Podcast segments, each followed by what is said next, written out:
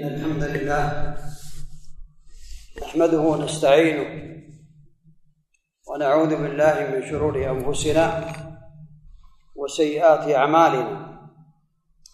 من يهده الله فلا مضل له ومن يضلل فلا هادي له وأشهد أن لا إله إلا الله وحده لا شريك له وأشهد أن محمدا عبده ورسوله صلى الله عليه وعلى آله وأصحابه سلم تسليما كثيرا.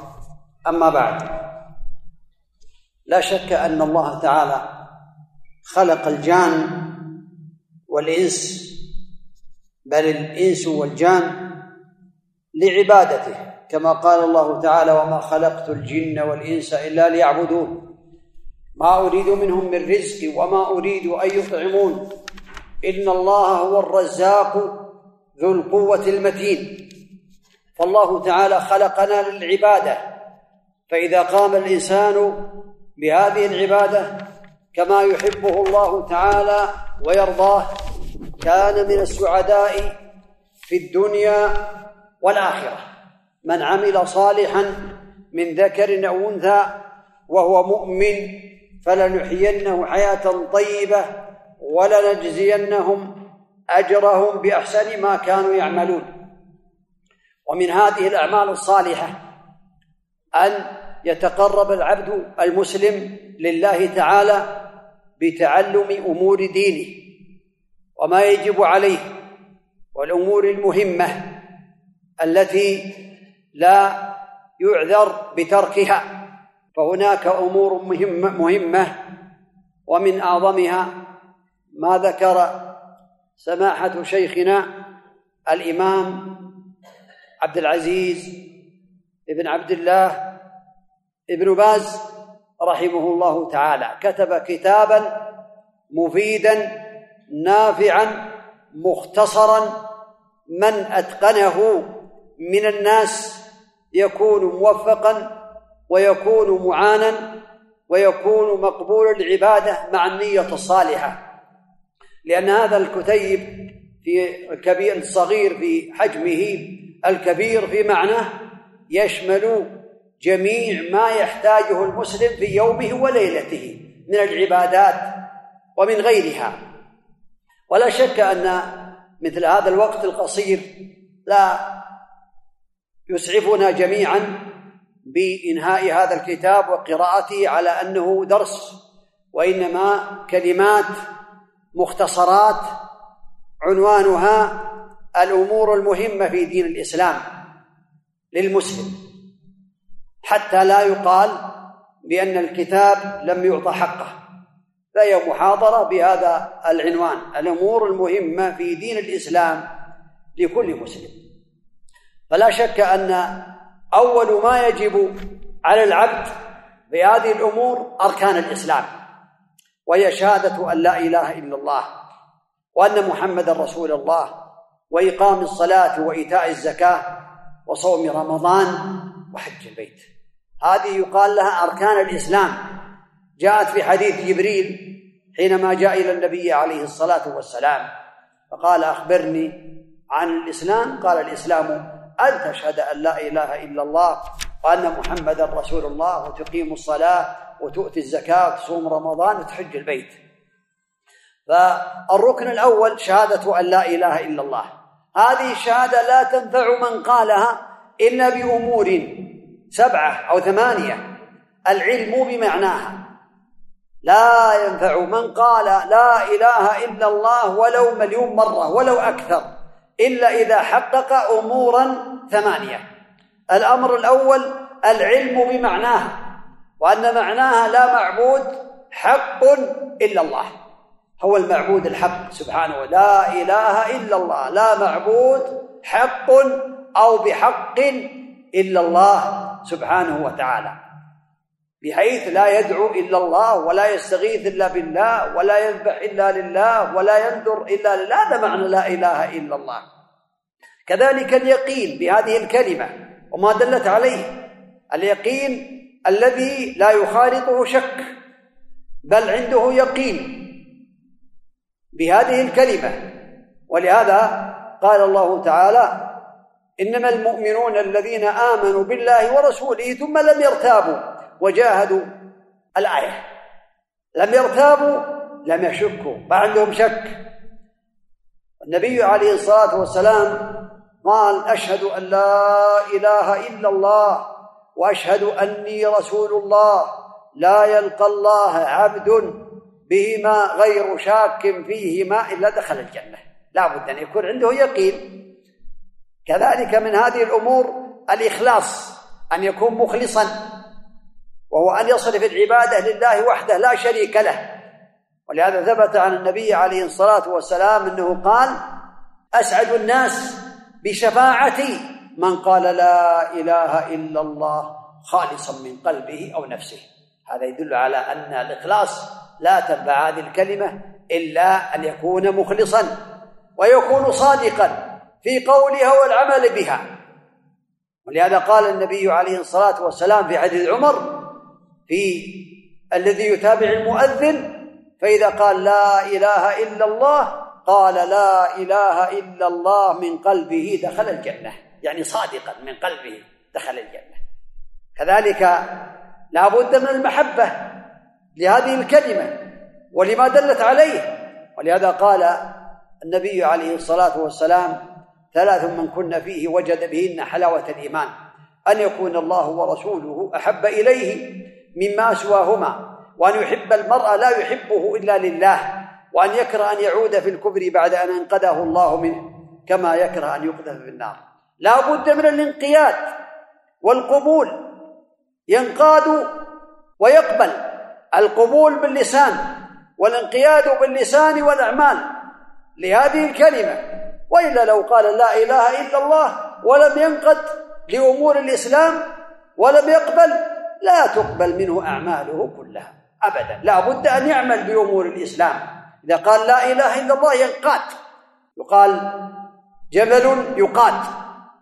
معناه أنه أنقاد استسلم لله تعالى قام بالواجبات ابتعد عن المحرمات قام بالصلوات بر والديه أحسن إلى جيرانه وصل أرحامه عمل أعمال الأعمال الواجبات التي أوجب الله عليه أنقاد لأمور الإسلام وما أمر الله به وما نهى عنه عن النبي عليه الصلاة والسلام يبتعد عنه وهكذا. قبول باللسان والأعمال وانقياد بالأعمال يكون منقادا. هذا المسلم الذي شهد أن لا إله إلا الله وأن محمدا عبده ورسوله. كفر بما يعبد من دون الله. يسمع بأن هناك من الناس من يستغيث بغير الله من يذبح لغير الله من ينذر لغير الله من يتقرب لغير الله بالعبادات يكفر بذلك. بمعنى أنه يقول بأن هؤلاء على باطل. لا يمكن. هذا لا يجوز مطلقا. هذا كفر بالله تعالى ولا يقبل الله من هذا العمل أو العامل عدلا ولا صرفا حتى يخلص لله. هذا معنى الكفر بما يعبد من دون الله. لا يصدق به. لا يصدق بأنه مقبول بل هو باطل. وهكذا هذه الكلمة لا تنفع من قالها إلا بهذا فهي تقوم على ركنين. النفي والإثبات. لا إله. نفي جميع الألوهية إلا الله. إثباتها لله تعالى. هكذا.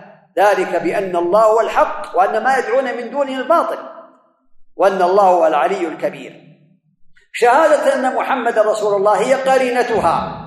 هي قرينتها في الحديث وفي أمر النبي عليه الصلاة والسلام ومعناها الاعتقاد الجازم أن محمد بن عبد الله ابن عبد المطلب الهاشمي القرشي عليه الصلاة والسلام هو رسول الله حقا أرسله الله تعالى للجن والإنس لا نبي بعده عليه الصلاة والسلام من أطاعه دخل الجنة ومن عصاه دخل النار هذا معناه. مقتضاها الذي يدل على أن من قام بهذا فهو صادق. تصديقه بما أخبر.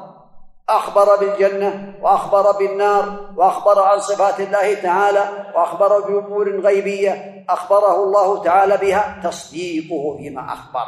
وكذلك طاعته بما أمر. أمر بطاعة الله أمر بالتوحيد أمر بصدق الحديث أمر بصلة الأرحام أمر بالإحسان إلى الجيران أمر بالقيام بالواجبات نهى عن المحرمات هكذا. تصديقه وطاعته بما أمر. واجتناب ما نهى عنه وزجر. نهى عن الشرك نهى عن الموبقات التي توبق الإنسان نهى عن المحرمات عن الزنا عن آه، غير ذلك الربا عن كل ما حرم الله. نهى وما آتاكم الرسول فخذوه. وما نهاكم عنه فانتهوا واتقوا الله إن الله شديد العقاب عليه الصلاة والسلام. ولا يعبد الله إلا بما شرع. لا يتقرب العبد بشيء من العبادة إلا بما شرعه رسول الله عليه الصلاة والسلام. لأن النبي عليه الصلاة والسلام قال من عمل عملا ليس عليه أمرنا فهو رد مردود مردود عليه غير مقبول. قال الله تعالى للنبي عليه الصلاة والسلام قل أي يقول يا محمد قل إن كنتم تحبون الله فاتبعوني يحببكم الله ويغفر لكم ذنوبكم والله غفور رحيم. فلا شك أن هذه الشهادة شهادتان لا بد للمسلم أن يعلم معناهما ويعلم الشروط التي لا بد منها. الركن الثاني الصلاة. أوجبها الله تعالى. ركن من أركان الإسلام. لا يقبل الله من العبد صرفا ولا عدلا حتى يقوم بهذا الواجب. على الصحيح من أقوال أهل العلم لأن بعض الناس يقول أن الذي يترك الصلاة ربما لا يكون كافرا. الصواب بأنه كافر. مرتد إن كان مسلما لا يكون مسلما إلا بالصلاة. ولهذا قال الله تعالى في هذه الصلاة وأقيموا الصلاة وآتوا الزكاة واركعوا من راكعين هذا على وجوبها. ودليل على والدليل على أنها الإسلام لا يقبل إلا لمن صلى قول النبي عليه الصلاة والسلام بين الرجل والشرك والكفر ترك الصلاة. رواه مسلم عن جابر. هذا يدل على الفرق بين المسلم والكافر الصلاة. قال العهد الذي بيننا وبينهم الصلاة فمن ترك فقد كفر. فالصواب أن الذي يترك الصلاة متعمدا مقرا بوجوبها يعتقد بأنها تجب على العباد لكن تكاسل وتهاون بها الصواب أنه يكون كافرا بالله رب العالمين وأنه إذا مات يحشر مع الكافرين ويكون خالدا مخلدا في النار. لأدلة كثيرة ذكر شيخ الإسلام منها أوجه عشرة وأنها وقال بأن ال إذا دخلت على الكفر فهو الأكبر بين الرجل والشرك والكفر التعريبيه إذن هذا هو الكفر الأكبر. ذكر ابن القيم في كتابه الصلاة اثنين وعشرين دليلا على أن من ترك الصلاة مقرا بوجوبها لكنه تركها كسلا وتهاونا بأنه يكون كافرا بالله رب العالمين. أما من ترك الصلاة جاحدا لوجوبها يقول بأنها لا تجب فهذا كافر عند جميع البشر عند جميع المسلمين لا يكون مؤمنا. فهذه الصلاة شانها عظيم مكانتها عظيمة. لا تقبل إلا بشروط. تسعة كما ذكر العلماء. الشرط الأول الإسلام والعقل والتمييز. لا يقبل الله صلاة أحد من الكفار حتى يشهد أن لا إله إلا الله ويسلم. والعاقل المجنون لا يجب عليه الصلاة. والتمييز الطفل الصغير الذي لم يميز لا صلاة عليه. هذا من شروط الصلاة. إسلام العقل والتمييز ورفع الحدث. لا بد من رفع الحدث. والحدث حدثان. حدث أصغر وحدث أكبر. فالحدث الأصغر هو نواقض الوضوء. والحدث الأكبر هو موجبات الغسل. نواقض الوضوء كما ذكر العلماء هي الحدث الأصغر. ولا يقبل الله صلاة أحد أحدا إذا أحدث حتى يتوضأ. كما قال النبي عليه الصلاة والسلام لا يقبل الله صلاة أحدكم إذا أحدث حتى يتوضأ. وقال في الحديث الآخر لا تقبل صلاة بغير طهور ولا صدقة من غلول. لا يقبلها الله تعالى. لابد من رفع الحدث. رفع الحدث يكون بالوضوء المشروع. يتوضأ كما أمره الله في كتابه. يا أيها الذين آمنوا إذا قمتم إلى الصلاة فاغسلوا وجوهكم وأيديكم إلى المرافق وامسحوا برؤوسكم وأرجلكم إلى الكعبين وإن كنتم جنبا فطهروا يقرب الماء بعد الاستنجاء ويغسل يديه ثلاثا وهذا سنية ويتمضمض ويستنشق من كف واحد ويستنثر ويمج ما تمضمض به بعد إدارة الماء في فمه ثم يغسل وجهه من الأذن إلى الأذن من منابة الشعر إلى أسفل الذقن ثم يغسل يده اليمنى ثلاث مرات إلى المرفقين المرفق والمرفق مغسول. لأن الله يقول إلى المرافق أي مع المرافق ثم يجعل يده بالماء ويبل يديه ويجعله مقدمة راسه ويذهب بهما إلى قفاه ثم يرجعهما إلى المكان الذي بدأ منه ثم يجعل السباحتين في أذنيه ويجعلهما من خلف أذنيه هكذا. ثم يغسل رجله اليمنى إلى الكعب ثلاثا ثم اليسرى ثلاثا هذه هذا الوضوء المشروع. فإن قال أشهد أن لا إله إلا الله وأشهد أن محمدا عبده ورسوله. رواه مسلم زاد الترمذي اللهم اجعلني من التوابين واجعلني من المتطهرين. فتحت له أبواب الجنه أبواب الجنة الثمانية. يدخل من ايها شاء فإن صلى ركعتين وهو قد توضأ ثلاثا ثلاثا غفر الله له ما تقدم من ذنبه. قال النبي عليه الصلاة والسلام من توضأ نحو وضوء هذا أي ثلاثا ثلاثا ثم صلى ركعتين لا يحدث فيهما نفسه. إلا غفر الله له ما تقدم من ذنبه رواه مسلم. فضل عظيم. في رواية أخرى من أسبغ الوضوء ثم صلى ركعتين مقبل عليهما بقلبه ووجهه إلا وجبت له الجنة. هذا فضل عظيم ثواب كبير. إذا توضأ هذا الوضوء ثلاثا ثلاثا. إذا الوضوء لا بد من فروضه والفروض ستة.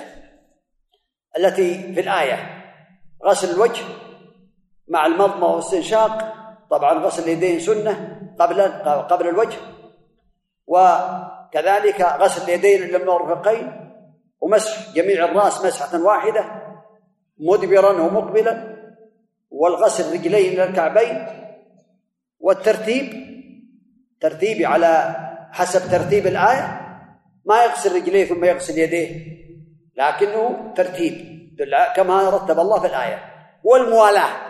الموالاة بأن يغسل العضو قبل أن يجف الذي قبله.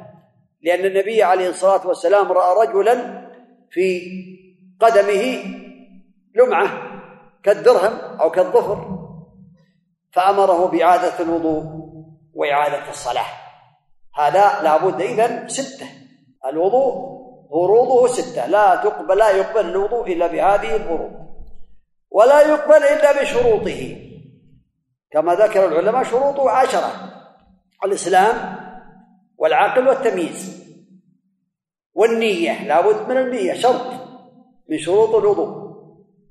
ينوي رفع الحدث الأصغر أو الأكبر. أما إذا ما نوى غسل يديه أو ما نوى رفع الحدث هذا لا وضوء له. والنية واستصحاب حكمها حكمها بألا ينوي قطع حتى تتم الطهارة. والمعنى أنه إذا غسل يديه وتمضمض واستنشق غسل وجهه وغسل يده اليمنى ثلاثا اليسرى ثلاثا ومسح رأسه بقي رجليه قال سبحان الله باقي من الوقت ساعة وساعتين خلي الوضوء إن شاء الله وقت الصلاة. ثم قال سبحان الله ما بقي إلا الرجلين أنا أغسلها. اذا خلاص لأنه قطع النية. واستصحاب حكمها بألا ينوي قطعها حتى تتم الطهارة. لابد بالنية حتى الصلاة. لو نوى الإنسان قطع الصلاة نواها صلى الله أكبر ثم نوى يقطع الصلاة لأمور أو لأسباب ثم قال لا بس من الصلاة. بطلت. لابد من الاستمرار بالنية. قال واستصحاب حكمه بألا ينوي قطع حتى تتم الطهارة. ومن شروط الوضوء وانقطاع موجب. موجب الذي يوجب الوضوء لابد أن ينقطع. ما يكون الإنسان عنده ريح وينطلق الريح. يقول أنا بكاء اتوضا والريح يستمر. ما ما هناك بأس. أساسا نختصر الوقت. أو عنده حدث يبول أو غير ذلك ويبدأ في الوضوء. لابد انقطاع موجب. الذي أوجب الوضوء لابد أن يكون قد انقطع. واستنجاء أو استجمار قبله. يعني لابد أن يكون قد استنجى أو استجمر قبل هذا الوضوء من الخارج البول أو الغائط. إنسان استيقظ في الفجر وتوضأ وضوءه للصلاة ومع هذا الوضوء أحدث بال ثم استنجى وتوضأ وضوءا للصلاة.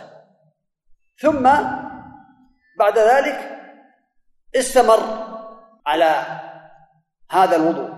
صلى الفجر مثلا ونام بعد الفجر ثم استيقظ وذهب إلى عمله. فإنه بهذا لا يستنجي من إذا توضأ لأنه كان على استنجاء سابقا. أو قضى حاجته بعد الفجر ثم استنجى. ثم ذهب وبقي إلى الظهر. جاء الظهر لا يلزمه الاستنجاء. إذن يؤخذ واستنجاء أو استجمار قبله. استنجاء بالماء والاستجمار بالحجارة أو المناديل الخشنة. هذا من شروط الوضوء. وإزالة ما يمنع وصوله ما يمنع وصوله إلى البشرة. كالبوية أو المناكير على يد المرأة. هذا لا لا يقبل الوضوء لأنها تحول بين البشرة وبين الماء. أو عجين سميك أو غير ذلك. إذن وإزالة ما يمنع وصوله إلى البشرة ومن شروط الوضوء طهورية ماء يكون طاهرا ما يكون فيه نجاسة وإباحته يكون مباحا ما يكون مسروقا ولا مغصوبا. ومن شروط الوضوء كذلك دخول الوقت لمن حدثه دائم لفرضه. هذا خاص بصاحب السلس والمرأة التي عندها استحاضة. فإنه إذا توضأ يتوضأ إذا دخل الوقت إذا أذن المؤذن توضأ. ثم يبقى على وضوءه وطهارته لهذه الصلاة وللسنن وقراءة القرآن إلى الصلاة الأخرى وهو على طهارة حتى لو خرج هذا الخارج. من رحمة الله إلا أن يأتي ناقض آخر. فإذا جاء ناقض آخر غير هذا فإنه في هذه الحالة يتوضأ لهذا الناقض الآخر. هذا من رحمة الله كما ذكر العلماء. فلا بد من هذه الأمور الشروط الإسلام والعقل التمييز والنية إصحاب حكمها بأن لا ينوي قطعها حتى تتم الطهارة. كذلك انقطاع موجب واستجمار استنجاء أو استجمار قبله وإزالة ما يمنع وصوله إلى البشرة وإباحة ماء وطهورية ماء الطهور يكون طهورا والحادي عشر وهو دخول الوقت في حق من آه، دخول الوقت لمن كان حدثه دائما لفرضه للفرض فقط. والنوافل. إذا لا بد للإنسان أن يكمل هذه الأمور من الشروط ومن الفروض ومن الصفة التي فعلها النبي عليه الصلاة والسلام. نواقض الوضوء. إذا حصل ناقض انتقضت الطهارة. وهي منها النوم. فإذا نام انتقض انتقض الوضوء. لا بد من الطهارة وكذلك مس الفرج قبولا أو دبرا باليد بدون حائل. تنتقض الطهارة على الصحيح. وكذلك زوال العقل بنوم أو بغيره. تنتقض الطهارة وكذلك أكل لحم الإبل. فإن من أكل لحم الإبل تنتقض طهارته لابد من الوضوء من جديد. وكذلك الردة على الإسلام أعاذنا الله وإياكم من ذلك. إذن الخارج الفاحش النجس من الجسد الخارج من السبيلين والخارج الفاحش النجس من الجسد والنوم وكذلك أكل لحم الإبل ومس الفرج. قبلا أو دبرا والردة عن الإسلام أعاذنا الله وإياكم من ذلك. هذه من نواقض الوضوء. أما الحدث الأكبر فهو لا يقبل لا تقبل الصلاة إلا أن يرفع الحدث الأكبر. الحدث الأكبر الذي يوجب الغسل. من هذا الحدث الأكبر آه التقاء. خروج المني دفقا بلذة سواء كان على أي وجه كان. فإذا خرج دفقا بدون مرض بلذة هذا ينقض الوضوء. والتقاء الختانين كذلك كما بين النبي عليه الصلاة والسلام. وكذلك خروج دم الحيض والنفاس. بل انقطاع دم الحيض والنفاس. فإذا انقطع دم المرأة دم الحيض ودم النفاس انقطع وجب عليها الغسل. وجب عليها الغسل. وكذلك الميت إذا مات وجب على المسلمين أن يغسلوه. هذه أمور لا بد فيها من الغسل. والردة على الإسلام وكذلك الإسلام إذا أسلم وهذا على خلاف هل هو سنية أو يعني يكون فرضا ولكن الأمر في هذا آه، يرجع للعلماء.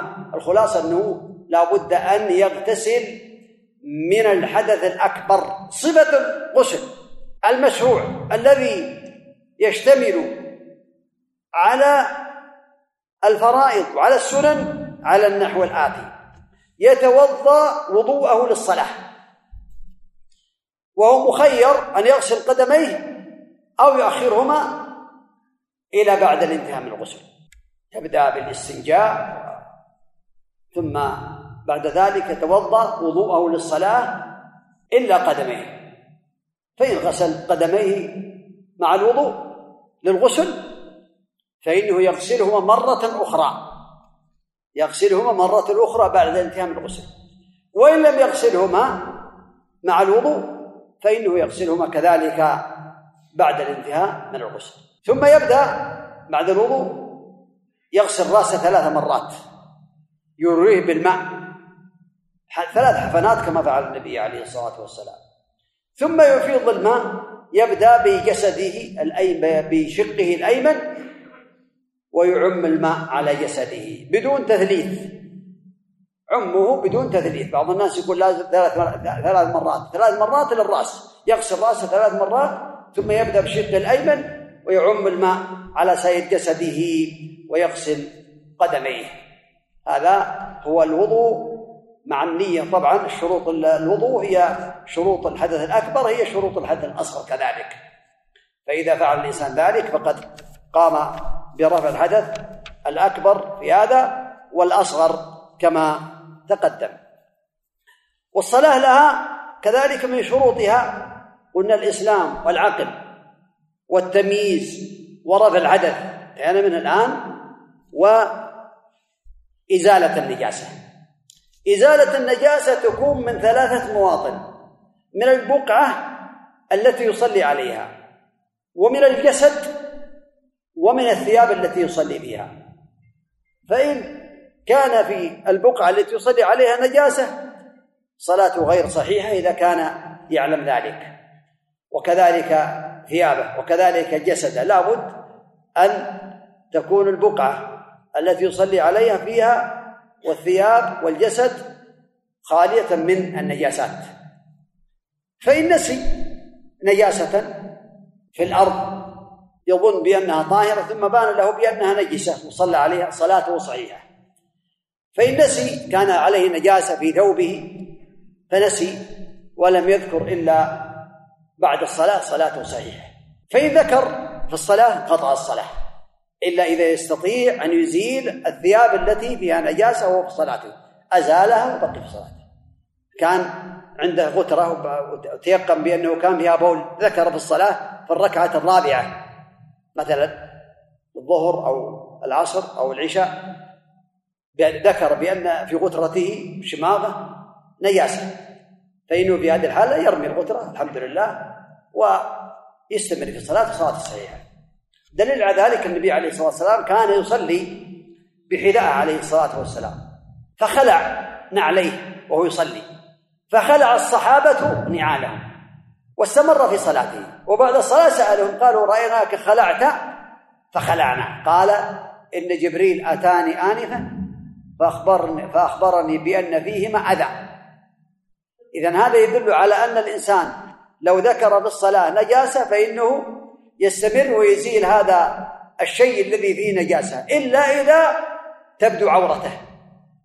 ليس عليه إلا ثوب واحد مثلا سميك والنجاسة فيه ولو خلعه بانت عورته يقضى الصلاة. أما إذا ذكر بعد الصلاة فصلاته صحيحة. ما الفرق بين النجاسة وبين الحدث؟ إنسان صلى نسي صلى بدون أن يتوضأ. يظن بأنه على وضوء. وبعد أن سلم من الصلاة قال ذكر بأنه ليس على وضوء. هل يكون مثل النجاسة؟ لا. الصلاة باطلة. كما قال النبي عليه الصلاة والسلام لا صلاة لأحدكم إذا أحدث حتى يتوضأ. من صلى صلاة قال لا يقبل الله صلاة بغير طهور ولا صدقة من غلول. فلا بد من الوضوء. لا بد من الوضوء حتى لو ذكر بعد الصلاة. أما النجاسة فالتفصيل فيها كما تقدم يزيلها الشرط السادس ستر العورة. شطر شروط الصلاة يستر عورته. عورة الرجل من السرة إلى الركبة عند الحاجة. ما عنده إمكانية إلا أن يلبس من سرته إلى ركبته. السرة يغطيها والركبتين يغطيهما. وصلاته صحيحة. لكن إذا كان عنده قدرة أن يغطي منكبيه عاتقيه وجب عليه أن يغطي عاتقيه ويأخذ الزينة عند كل صلاة. فإن النبي عليه الصلاة والسلام قال في المنكبين لا يصلي الرجل في الثوب الواحد لا ليس على عاتقيه منه شيء. هذا عند القدرة. أما عند العجز ولهذا الإنسان إذا كان محرما في الحج أو في العمرة ثم كان عليه رداء وكان عليه إزارا ثم وضع الرداء ولم يجعل على عاتقه شيء من هذا الرداء ولا عاتقيه صلى صلاته باطلة يعيد الصلاة لأنه قدر أن يغطي كتفيه. إلا إذا كان ما عنده شيء لا يكلف الله نفسا إلا وسعها. ما عنده شيء يلبس حتى لو بطانية يجعلها على كتفيه أو شرشف أو غير ذلك. هذا أما إذا ما يستطيع لا يكلف الله نفسا إلا وسعها. أما عورة المرأة فالمرأة كلها عورة إلا وجهها في الصلاة. كلها عورة. وجهها رأسها صدرها يداها قدماها كلها عورة إلا في الصلاة. فلو صلت امرأة وقدماها مكشوفتان فالصواب أنها تعيد الصلاة. لقول أم سلمة في حديثها سلمة آه، أتصلي المرأة بالدرع الواحد؟ ليس على قدميها منه شيء. في الدرع الواحد؟ قال إذا كان سابغا يغطي ظهور قدميها أو قدميها أو كما قال النبي عليه الصلاة والسلام. فلا بد من تغطي حتى القدمين. أما الكفان للمرأة فالأفضل للمرأة أن تغطي كفيها بالصلاة الأفضل لها لكنه لا يجب عليها. لو صلت ويداها مكشوفتان كفاها مكشوفتان صلاة صحيحة. لكن الأفضل لها والأكمل في صلاتها أن تغطي يداها آه، كفيها إما بالعباية أو بغيرها حتى تحصل على الثواب والأجر من الله تعالى. إذا هذا ستر العورة. المرأة كلها عورة إلا وجهها في الصلاة. فإن حضر رجال عند المرأة وهي تصلي كذلك تغطي وجهها كذلك. لو كانت في حج أو في عمرة أو في مكان فيه رجال أجانب فإنها في هذه الحالة تغطي وجهها وتصلي وهي قد مغطية وجهها. إلا إذا كانت ليس عند أحد فإنها تكشف وجهها وهي عورة كلها في الصلاة كما قال النبي عليه الصلاة والسلام. الشرط السابع دخول الوقت. فلا تقبل الصلاة إلا إذا دخل وقتها. لو كان قبل الظهر بخمس دقائق أو ثلاث دقائق كبر تكبيرة الإحرام. الله هذا صلاة باطلة. لا بد أن يدخل الوقت. أو كان قبل الفجر قبل طلوع الفجر الثاني فلا بد من دخول الوقت كما بين النبي عليه الصلاة والسلام ذلك. قد بين أوقات الصلوات الخمس عليه الصلاة والسلام. وقت الفجر جاء جبريل وأما النبي عليه الصلاة والسلام في صلاة الفجر حينما طلع الفجر الثاني عليه الصلاة والسلام فصلى الفجر في أول وقتها. ثم الظهر عندما زالت الشمس من كبد السماء إلى جهة الغروب. ثم العصر حينما صار ظل كل شيء مثله. ظلك على طولك. هذا بدأ وقت صلاة العصر. ثم المغرب حينما غربت الشمس. ثم العشاء حينما غرب الشفق الأحمر. ثم جاء في اليوم الثاني. وصلى به الفجر بعد أن أسفر جدا. بعد أن أسفر جدا. أي قبل طلوع الشمس أسفر جدا. ثم جاء الظهر وصلى صلاة الظهر حينما صار ظل كل شيء مثله. يعني في أول وقت صلاة العصر قبل دخول وقت صلاة العصر. ثم صلاة العصر حينما صار صار الظل كل شيء مثليه. ثم المغرب في وقتها حينما غربت الشمس تماما. ثم العشاء حينما ذهب ثلث الليل. لكن الأحاديث تفسر بعضها بعضا. ثبتت الأحاديث الأخرى أن العشاء إلى نصف الليل. إلى نصف الليل. ثم قال يا محمد ما بين هذين الوقتين صلاة. ما يقال متى الصلاة؟ بعض الشباب قال الصلاة الساعة مثلا الساعة سبعة وتسع دقائق عندنا هنا. ممكن تسأله بعد شهرين ثلاثة سبعة وتسع دقائق. تغير الوقت. الضابط هو تحديد النبي عليه الصلاة والسلام للصلوات. قد لا يكون ساعة. فهذا هو لا تقبل الصلاة إلا في وقتها فإن أخرها عن وقتها متعمدا حتى خرج وقتها فلا تقبل منه. ولو صلى ألف صلاة. لو تعمد تأخير صلاة الفجر ووقت الساعة على وقت الدوام الرسمي وهو يعلم أن هذا الوقت بعد طلوع الشمس فلا صلاة له ولو صلى ألف صلاة ويكون كافرا مرتدا. عن دين الإسلام لأنه تعمد ترك الصلاة والعياذ بالله. هذه فتوى من سماحة الشيخ رحمه الله تعالى العلامة ابن باز فالأوقات لو صلى قبل الوقت لا تقبل الصلاة. إن الصلاة كانت على المؤمنين كتابا موقوتا. هذا إذا هذا الشرط السابع دخول الوقت. الشرط الثامن استقبال القبلة. فلا بد من استقبال القبلة.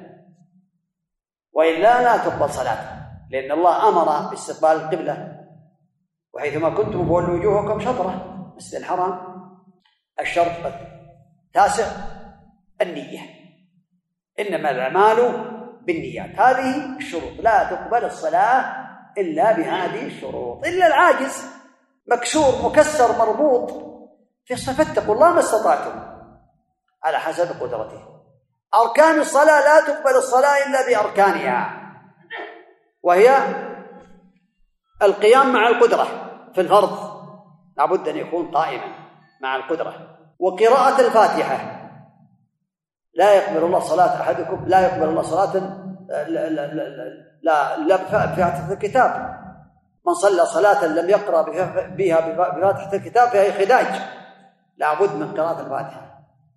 والركوع والرفع من الركوع والاعتدال يعني الرفع الاعتدال والسجود على الأعضاء السبعة والرفع منه الأعضاء السبعة الجبهة وأشار النبي عليه الصلاة والسلام إلى أنفه فدل على أن الأنف من عضو الجبهة من الجبهة. من صلى على جبهته ولم يصلي على أنفه متعمدا فلا صلاة له. ومن صلى على أنفه ولم يسجد على جبهته فلا صلاة له. لأنه قال الجبهة وأشار إلى أنفه عليه الصلاة والسلام.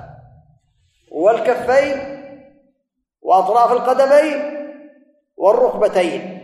أمرت أن أسجد على سبعة أعظم. وذكر عليه الصلاة والسلام. بعض الناس ربما رفع إحدى رجليه وهو في السجود. خاصة الشباب. فإذا رفع إحدى القدمين من وقت السجود إلى أن يرفع صلاته باطلة. أما إذا نزلت أثناء السجود ارتفعت ونزلت فالحمد لله. لكن إذا بدأ إذا لم يباشر الأرض في آن واحد سبعة أعضاء فالصلاة لا تكون صحيحة.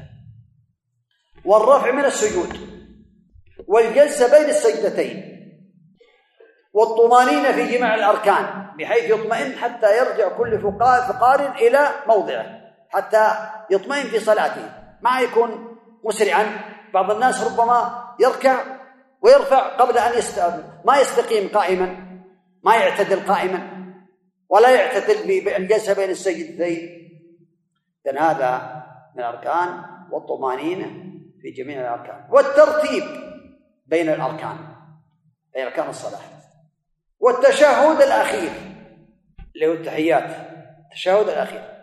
والصلاة على النبي عليه الصلاة والسلام والتسليمتان. أربعة عشر ركن. من أسقط منها ركنا لا تقبل صلاته إلا أن يكون معذورا. فلا بد الإنسان أن ينتبه. صلي قائما. فإن لم تستطع فقاعدا. فإن لم تستطع فعلى جنب. فإن لم تستطع في رواية أخرى فمستلقيا. لا تسقط الصلاة عن الإنسان ما دام عقله ثابتا. واجبات الصلاة. ثمانية كما ذكر العلماء. جميع التكبيرات إلا تكبيرة الإحرام. واجب. وقول سبحان ربي العظيم في الركوع. والأفضل أن تكون ثلاث مرات لكن الواجب واحد. سبحان ربي العظيم. الأكمل ثلاثا. ويزيد وقول سمع الله لمن حمده للإمام والمنفرد. وقول ربنا ولك الحمد للكل للإمام والمنفرد والمأموم كلهم يقول ربنا ولك الحمد. وقول سبحان ربي الأعلى في السجود مرة واحدة هذا واجب. والأكمل تكون ثلاثا والأفضل أن يدعو بالأدعية الأخرى.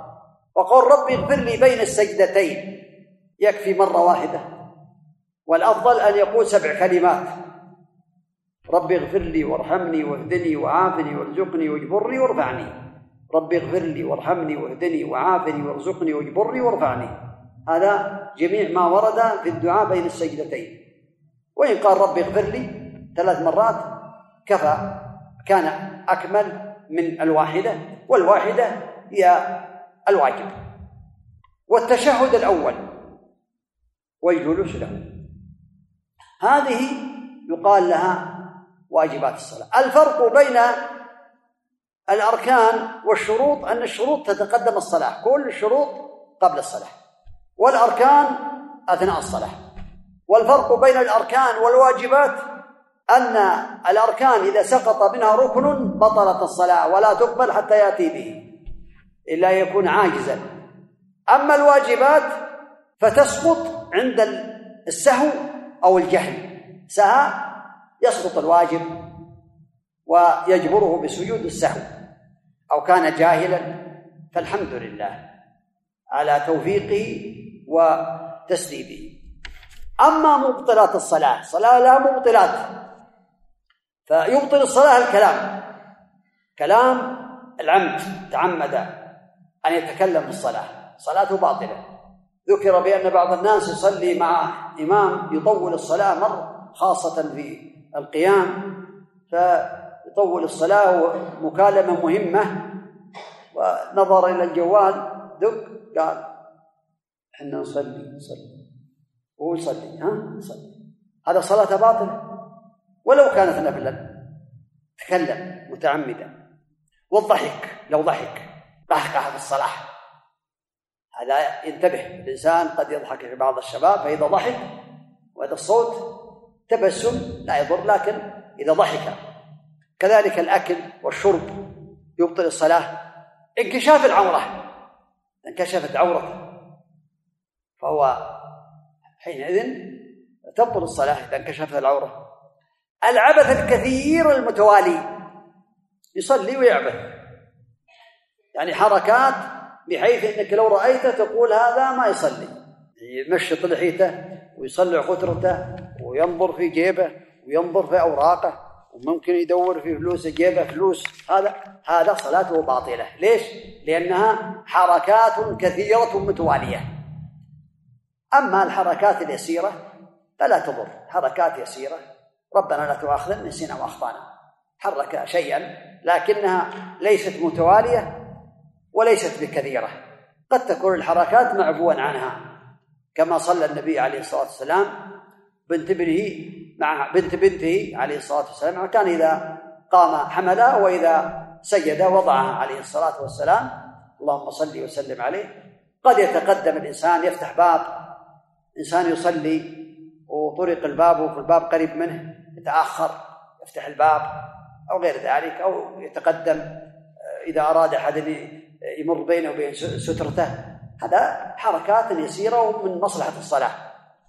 إذا هذه مبطلات الصلاة وانتقاض الطهارة. لو انتقضت طهارته خلص أحدث في الصلاة. فإنه في هذه الحالة بطلت صلاته. والانحراف الكثير عن جهة القبلة. انحرف عن جهة القبلة إلى جهة أخرى. أما ما دام في جهة القبلة سواء آه، يعني مستقبل القبلة أو في جهتها يمينا أو يسارا في جهة نفسها لقول النبي عليه الصلاة والسلام ما بين المشرق والمغرب قبلة عليه الصلاة والسلام. فمن هذه الأمور التي يجب على الإنسان الزكاة أوجب الله تعالى الزكاة بشروط. بينها أهل العلم زكاة في أصناف الأموال الزكوية بهيمة الأنعام. وأقل الزكاة في الغنم في الأربعين شاه إذا كانت سائمة. أي ترعى في البرية أكثر الحول في الأربعين شاة فما فوق. على حسب ما ذكر العلماء. أقل النصاب أربعين. الإبل أقل النصاب خمس. فيها شاة. البقر أقل النصاب فيها ثلاثون. فيها تبيع أو تبيعة. هذه بهيمة الأنعام. الذهب والفضة أقل النصاب في الفضة 92 غراما من الذهب على الصحيح.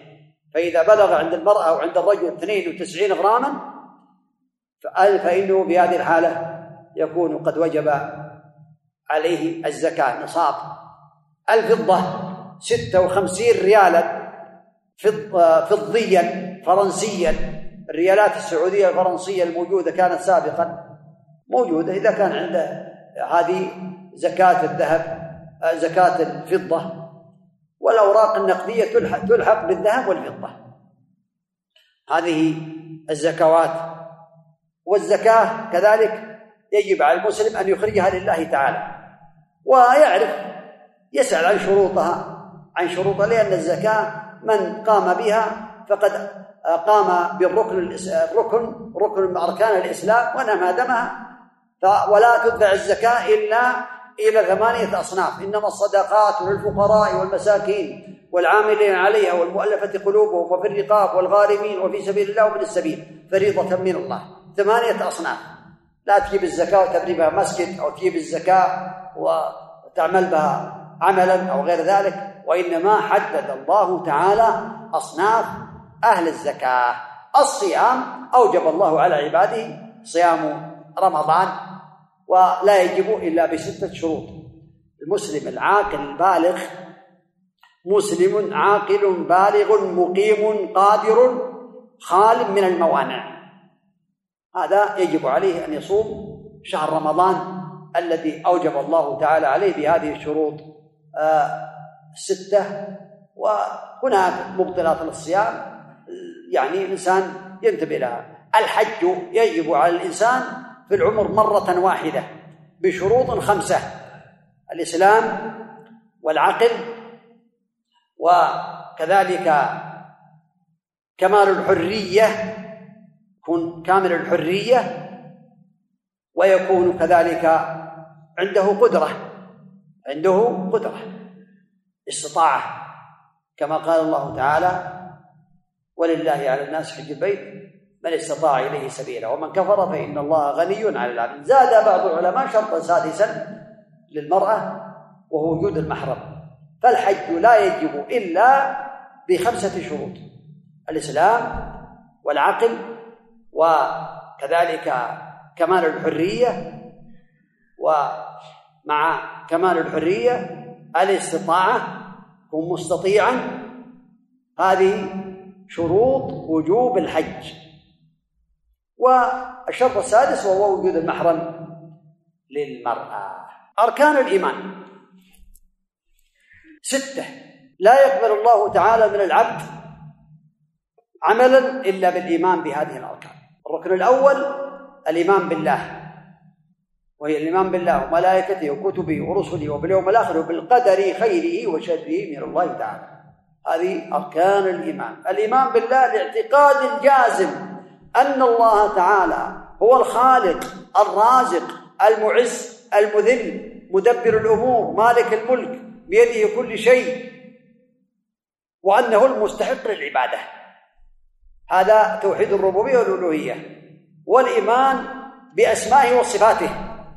لا يوصف إلا بما وصف الله به نفسه أو وصف به رسوله عليه الصلاة والسلام. هذا هو الإيمان بالله تعالى. والإيمان بالملائكة. تؤمن بأن معك ملائكة. وأن الله خلق ملائكة. لا نراهم.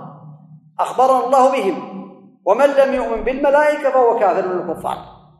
الله تعالى بين ذلك في كتابه وبينه النبي عليه الصلاة والسلام. قال النبي عليه الصلاة والسلام أطت السماء وحق لها أن تأط تأط ما من موضع أربع أصابع إلا ولله ملك ساجد أو راكع في ملائكة حفظ عليك.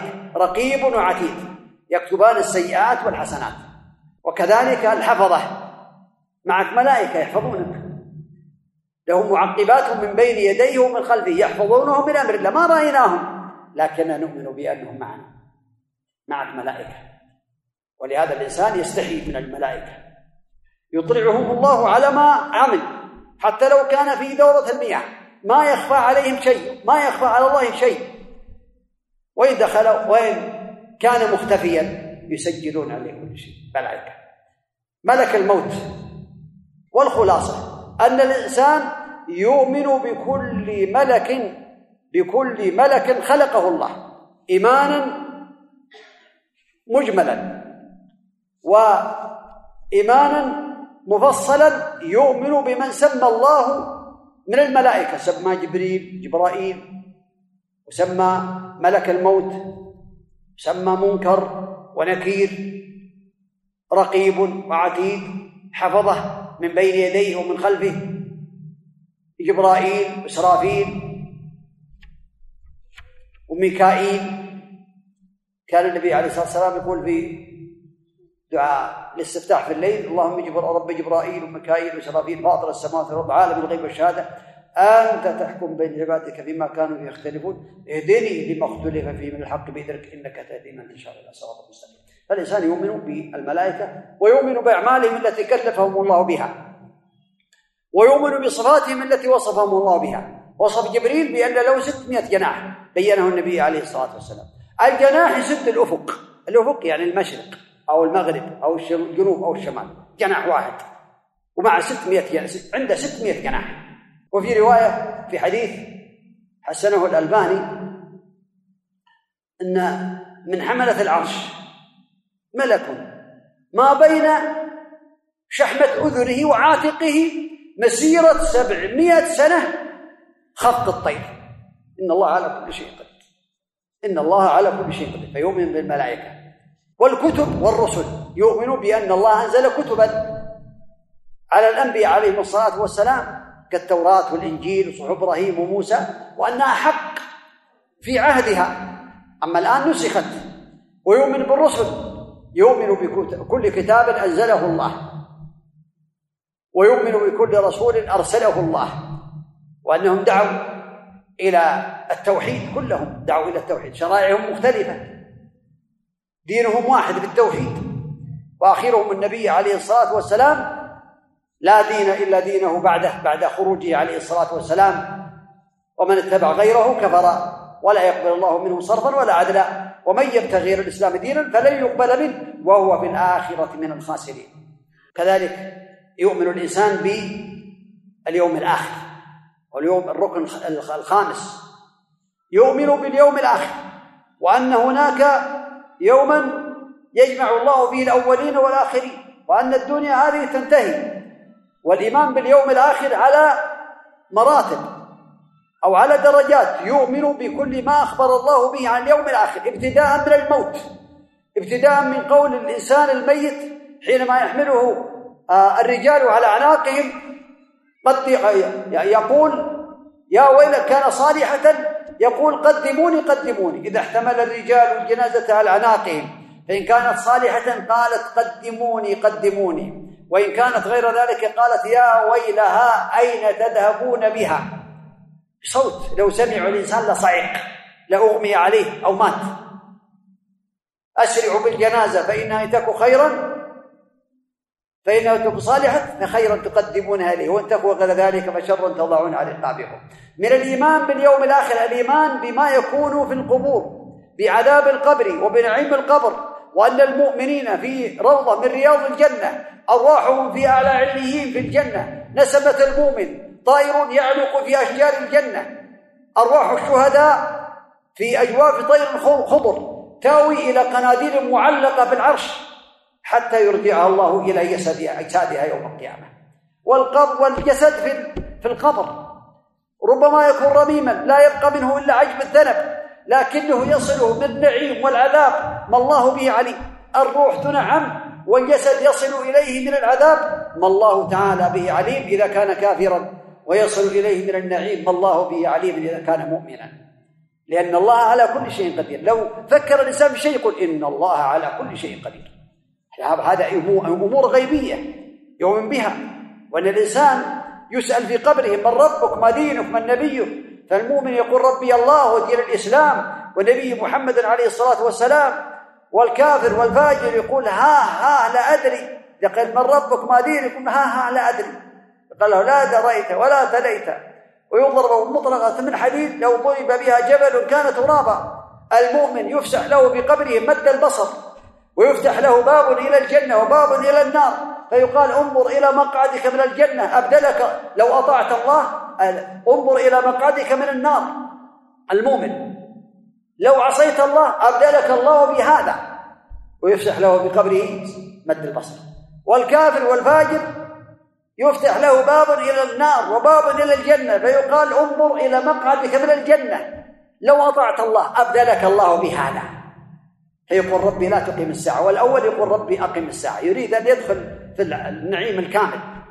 وهذا يخشى من العذاب الكامل. لأن العذاب في القبر في عذاب للمجرمين والكفار. كما بين الله تعالى عن آل فرعون يعرضون على النار غدوا وعشيا. أدخلوا ويوم القيامة أدخلوا آل فرعون أشد العذاب. كذلك يؤمن الإنسان بالبعث والنشور وأن الناس يخرجون من قبورهم بعد قيام الساعة. نفختان نفخة الأولى ينفخ إسرافيل فيموت على جميع من على وجه الأرض إلا من شاء الله. ثم ينفخ فيه أخرى بعد أربعين. قال قيل لأبي هريرة أربعون سنة؟ قال أبيت. يعني ما عندي خبر. أربعون شهر؟ قال أبيت. أربعين يوما؟ أربع أربعون فقط. ما ما ما هي الأربعين؟ الله تعالى أعلم. ثم ينفخ إسرافيل في أخرى. فترجع الأرواح إلى أجسادها فيخرجون من قبورهم.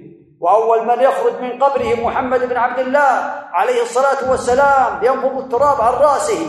اللهم صل وسلم عليه. يخرجون حفاة عراة غرلا. ثم يذهبون إلى موقف. الموقف العظيم. يوما يوم مقداره خمسين ألف سنة. يقفون فيه العباد الأولون والآخرون. يقفون في هذا اليوم تدنو منهم الشمس تصهرهم موقف عظيم. يعرقون في هذا اليوم منهم من يعرق إلى كعبيه ومنهم يعرق إلى ركبتيه ومنهم من يعرق يبلغ العرق إلى حقويه ومنهم من يبلغ إلى ترقوتيه ومنهم من يلجمه العرق الجامع عرقه هو نفسه ليس عرق غيره نفسه. إن الله على كل شيء قدير. تدنو الشمس مقدار ميل لكن الله يظل في ظله يوم لا ظل الا ظل في هذا اليوم. أناس إمام عادل وشاب نشأ في عبادة الله ورجل قلبه معلق في المساجد ورجلان تحابا في الله اجتمع عليه وتفرق عليه ورجل دعته امرأة ذات منصب وجمال فقال إني أخاف الله ورجل تصدق بصدقة فأخفاها حتى لا تعلم شماله ما تنفق يمينه ورجل ذكر الله خاليا ففاضت عيناه. هذا في ظل الله في ظل في ظل يظلهم الله في ظله يوم لا ظل ظله. في هذا اليوم العظيم تنصب الموازين وتوزن الأعمال. فمن ثقلت موازينه فأولئك هم المفلحون ومن خفت موازينه فأولئك الذين خسروا أنفسهم في جهنم خالدون. الحوض المورود حوض النبي طوله شهر وعرضه شهر يعني مسيرة شهر. ماءه أحلى من العسل واطيب ريح من المسك كيزانه أي آنية عدد نجوم السماء. من شرب منه شربة لا يظمأ بعدها أبدا. وفي هذا اليوم كذلك يذاد أناس عن هذا الحوض يمنعون تمنعهم الملائكة لا يشربوا من الحوض. فيقول الرسول عليه الصلاة والسلام أمتي أمتي وبعض الروايات أصحابي أصحابي يقول إنك لا تدري ما أحدثوا بعدك. فيقول النبي عليه الصلاة والسلام سحقا لمن غير بعدي وبدل سحقا له ثم سحقا أو كما قال النبي عليه الصلاة والسلام. الشفاعة حين في هذا اليوم العظيم الناس يريدون الفصل وأن يفتكوا من هذا اليوم من هذا الكفار والمسلمون جميعا الأولون والآخرون من يشفع لنا؟ يأتون إلى آدم وكل نبي يقول نفسي نفسي إن ربي قد غضب اليوم غضبا لم يغضب قبله مثله ولم يغضب بعده مثله. اذهبوا إلى غيري اذهبوا إلى موسى اذهبوا إلى إبراهيم. يذهبون إلى إبراهيم ثم يذهبون إلى موسى يذهبون إلى عيسى؟ ثم يذهبون إلى النبي عليه الصلاة والسلام فيسجد ويسأل الله يلهمه محامد؟ فيقال ارفع رأسك واشفع تشفع وسل تعطى اللهم صل وسلم عليه. فيفصل بين العباد أهل الجنة إلى الصراط وأهل النار إلى النار لأن الكفار لا يمرون على الصراط. لا يمر على الصراط وإنما يوقفون على أعمالهم حتى يعلموا بأن الله لم يظلمهم شيئا. يوم تجد كل نفس ما عملت من خير أو محضرة. وما عملت من سوء تود لو أن بينه وبين عبيد. عرض الأعمال. تعرض عليهم أعمال ثم يساقون إلى النار. أما غيرهم من الناس يمرون على الصراط. أحد من السيف ودق من الشعر. منصوب على متن جهنم يمر عليه الناس على حسب أعمالهم. كنت سريعا في طاعة الله تكون سريعا على الصراط. فمنهم من يمر كلمح البصر ومنهم من يمر كالبرق ومنهم كالريح ومنهم كالخيل ومنهم كأجاويد الركاب الإبل ومنهم من يمشي يعدو عدوى ومنهم من يمشي مشيا ومنهم من يزحف زحفة ومنهم من يسقط في النار في جهنم. تجاوزوها وقفوا على قنطرة بين الجنة والنار يتقاصون فيما بينهم حتى تطهر قلوبهم في أشياء كانت بينهم. أما من سقط في النار فإنهم تكون لهم الشفاعة. الأنبياء عليهم الصلاة والسلام والملائكة والمؤمنون والأفراد يشفعون في أهل الكبائر من أمة محمد عليه الصلاة والسلام الذين سقطوا في النار ودخلوها. والكبائر معناه أنهم كانوا يقومون بأمور الإسلام. أركان الإسلام وأركان الإيمان قد أقاموها. ولكن عندهم كبائر عندهم ذنوب عندهم خمر عندهم زنا والعياذ بالله عندهم آه، آه، أمور من كبائر الذنوب. عقوق والدين قطيعة أرحام. هؤلاء إذا لم يعفوا الله عنهم ولم يتوبوا قبل الموت فيهم الشفاعة. يخرج بعضهم. قد امتحشوا لم يبقى منهم إلا موضع السجود. فإن الله حرم النار على موضع السجود. ثم بعد ذلك يستقر أهل الجنة في الجنة وأهل النار في النار. ويوقف ملك الموت. ويوقف الموت. لا يقال ملك الموت يقال الموت ملك الموت لا يذبح. الموت هو الآلة التي في يد ملك الموت. بين الجنة والنار. فيقال يا أهل الجنة هل عرفتم هذا؟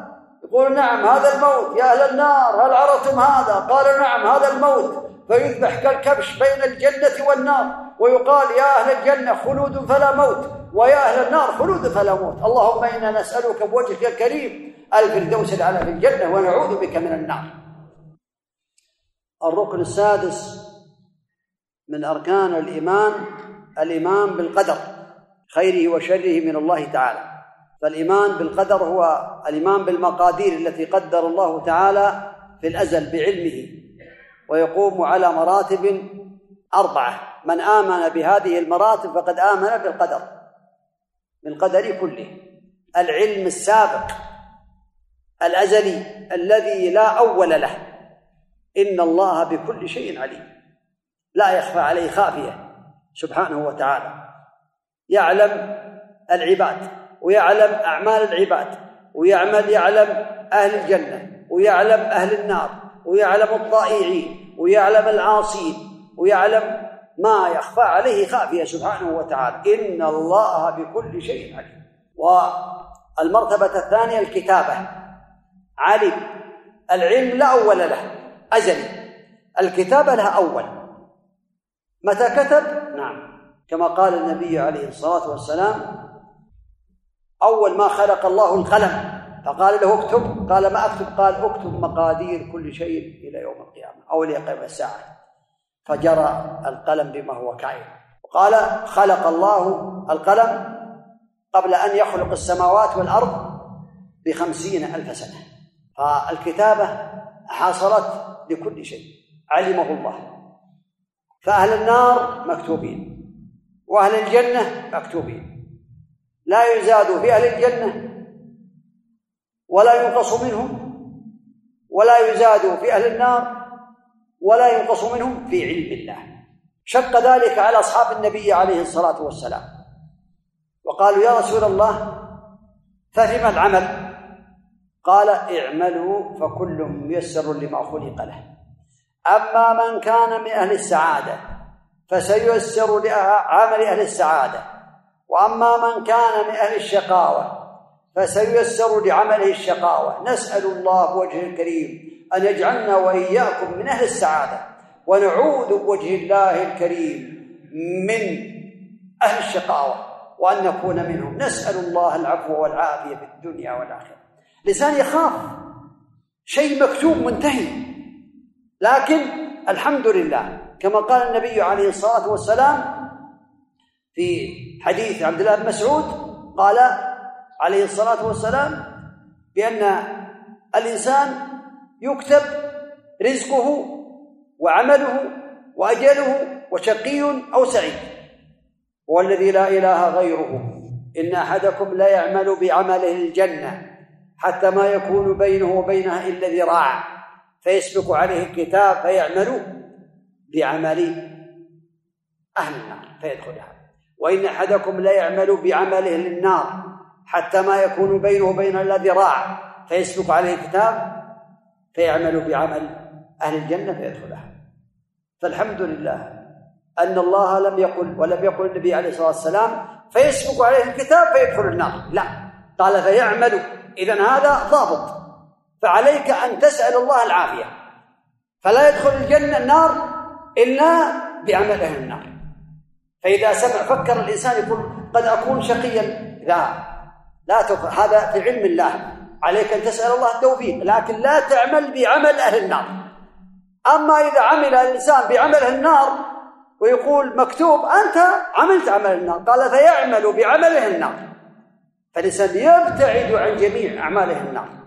ويعمل بأعمال أهل الجنة. ويسأل الله التوفيق والعافو والعفو والعافية في الدنيا والآخرة. والمرتبة الثالثة مشيئة الله النافذة لا يخرج منها شيء مشيئة الله وما تشاءون إلا أن يشاء الله رب العالمين. والمرتبة الرابعة الخلق والإيجاد الله خالق كل شيء. وكذلك مما ينبغي للمسلم أن يعنى به الإحسان وهو الإحسان العبادة إتقان العبادة. كما قال النبي عليه الصلاة والسلام حينما سأله جبريل قال ما الإحسان؟ فأخبرني عن الإحسان. قال أن تعبد الله كأنك تراه فإن لم تكن تراه فإنه يراك. إذا هذا إحسان العبادة وإكمال العبادة لله تعالى ومراقبة الله في السر والعلن. هذا هو الإحسان. وكذلك مما ينبغي للمسلم التحلي بالأخلاق الفاضلة الصدق والأمانة والحياء والشجاعة والكرم والوفاء.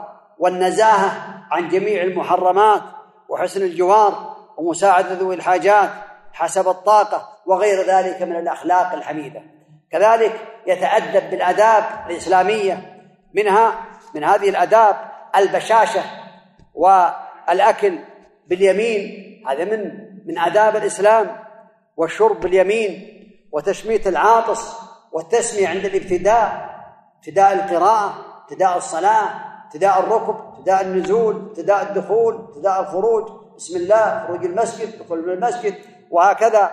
والحمد عند الانتهاء من الطعام كذلك هذه من الآداب وكذلك عند العطاس إذا عطس يقول الحمد لله ويسمع يقول اللي يسمع يرحمك الله.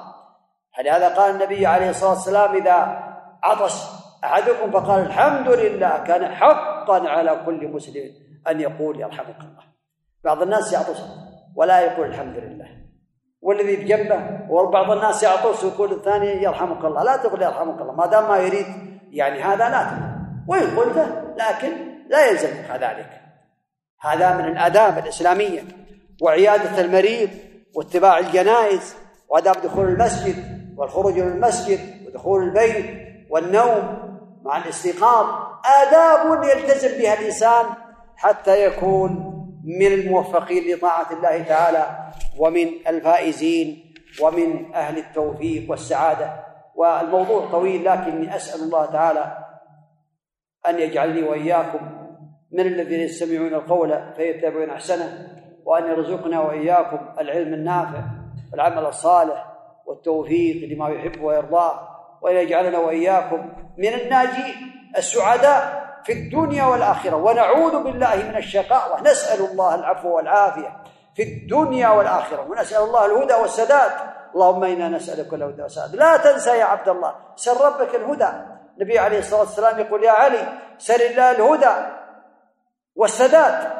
واذكر بالهدى هداية الطريق والسداد إصابة الغرض اسأل الله الهداية. يا مقلب القلوب ثبت قلبي على دينك يا مصرف القلوب صرف قلوبنا على طاعتك. أسأل الله تعالى بأسماء الحسنى وصفات العلى أن يوفقني وإياكم لطاعته وأن يثبتنا وإياكم على دينه حتى نلقاه وهو راض عنا. صلى الله وسلم وبارك على نبينا محمد وعلى آله وأصحابه أجمعين.